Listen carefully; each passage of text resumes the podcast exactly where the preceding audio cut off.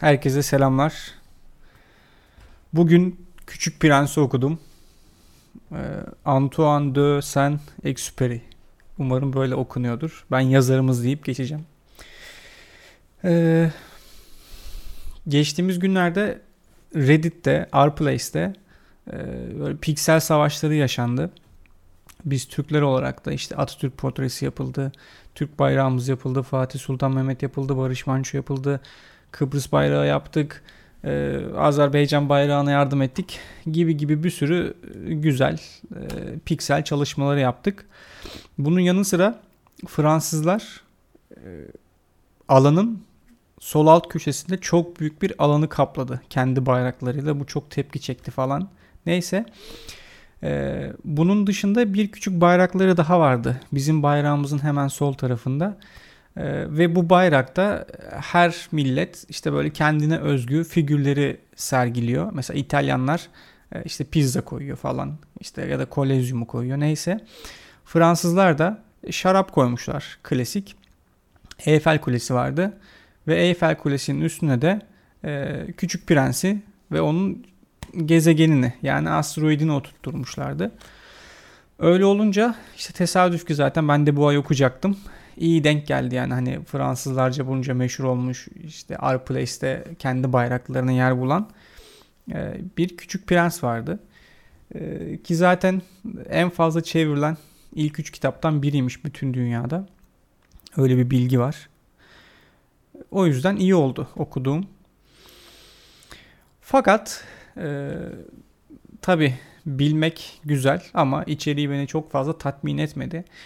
Yani insanların ayılıp bayılıp böyle işte Küçük Prens aşağı, Küçük Prens yukarı dediği, işte koleksiyonlar yaptığı gibisinden bir kitapla ben karşılaşamadım.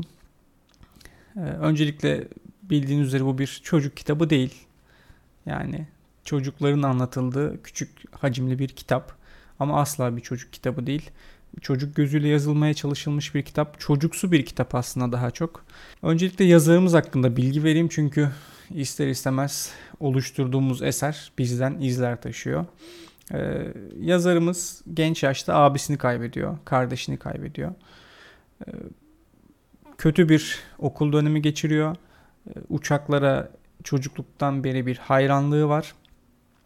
Ve bu sebepten ilerleyen yıllarda 30'lu yaşlarına geldiği zaman pilot olarak e, görev yapıyor.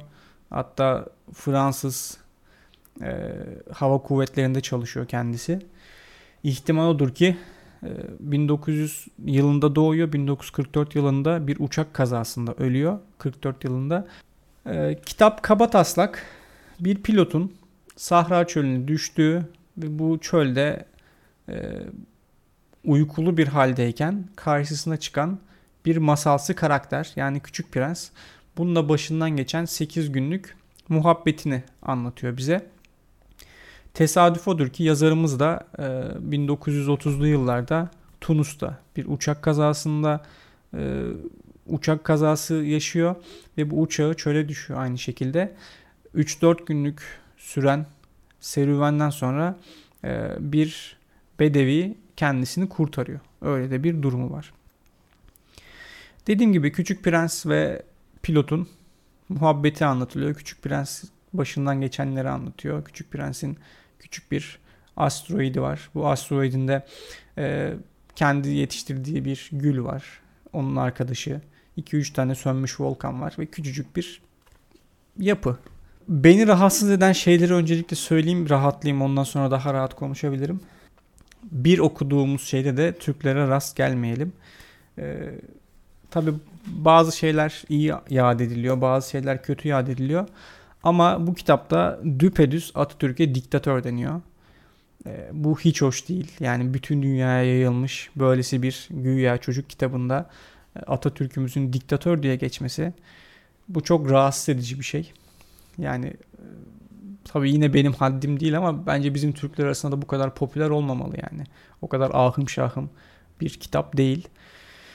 Ee, şöyle Küçük Prens'in içinde bulunduğu gezegeni bir Türk bilim adamı keşfediyor.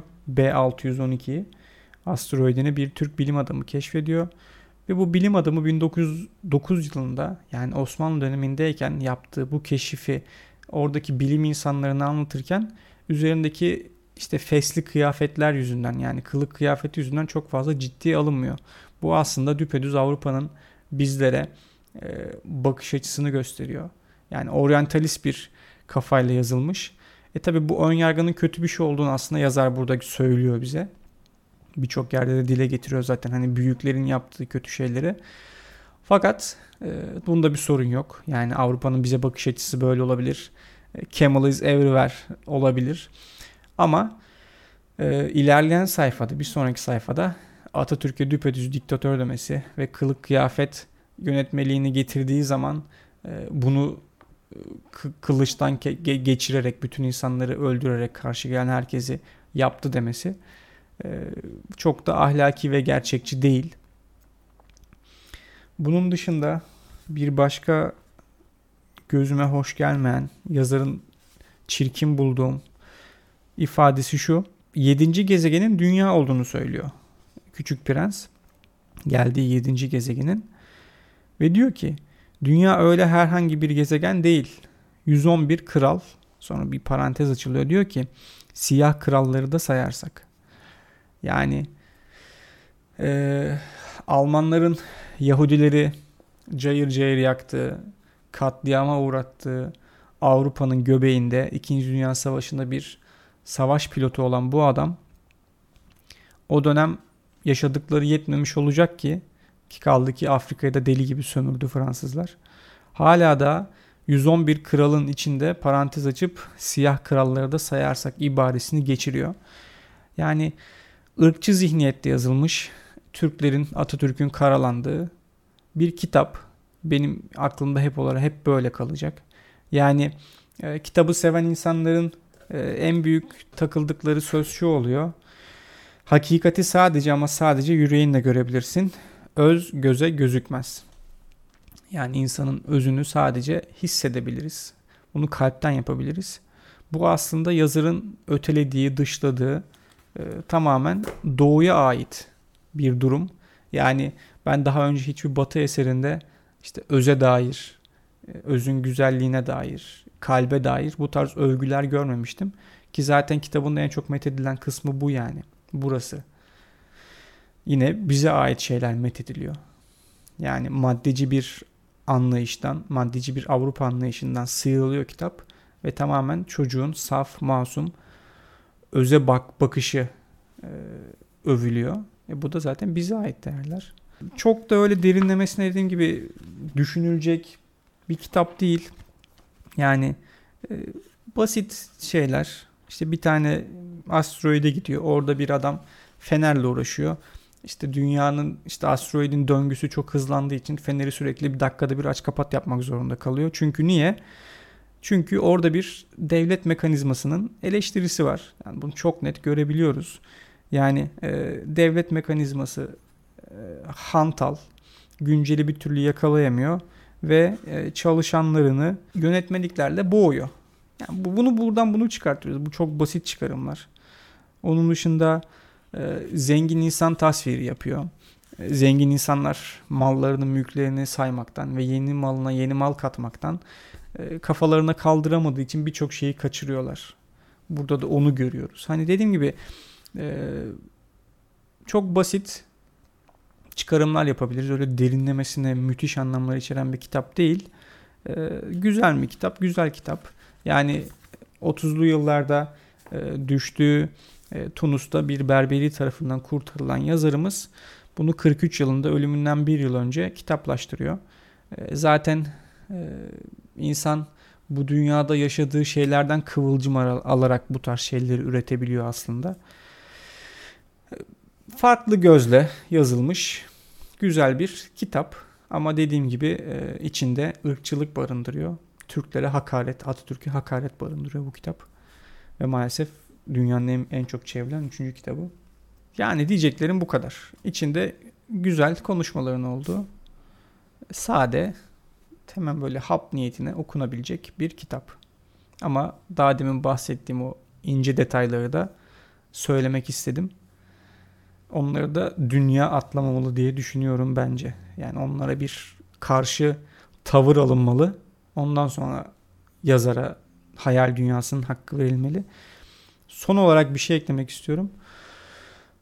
Belki de o asteroidler sonuçta Küçük Prens ölerek asteroidine ulaşıyor. Hani biz hep deriz ya işte biri öldüğü zaman bir yıldız kaydı.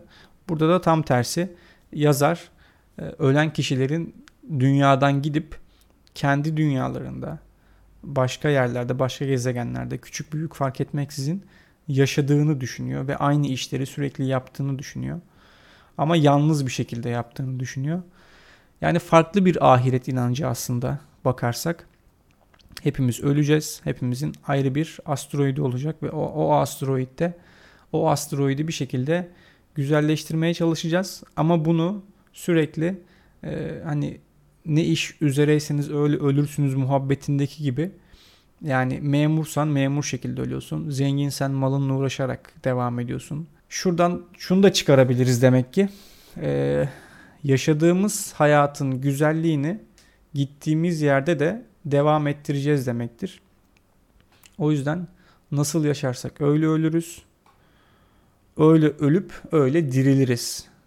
Yani kendi gezegenimizde öyle bir hayat yaşarız. O yüzden güzel yaşamalıyız. Hoşçakalın. Teşekkürler.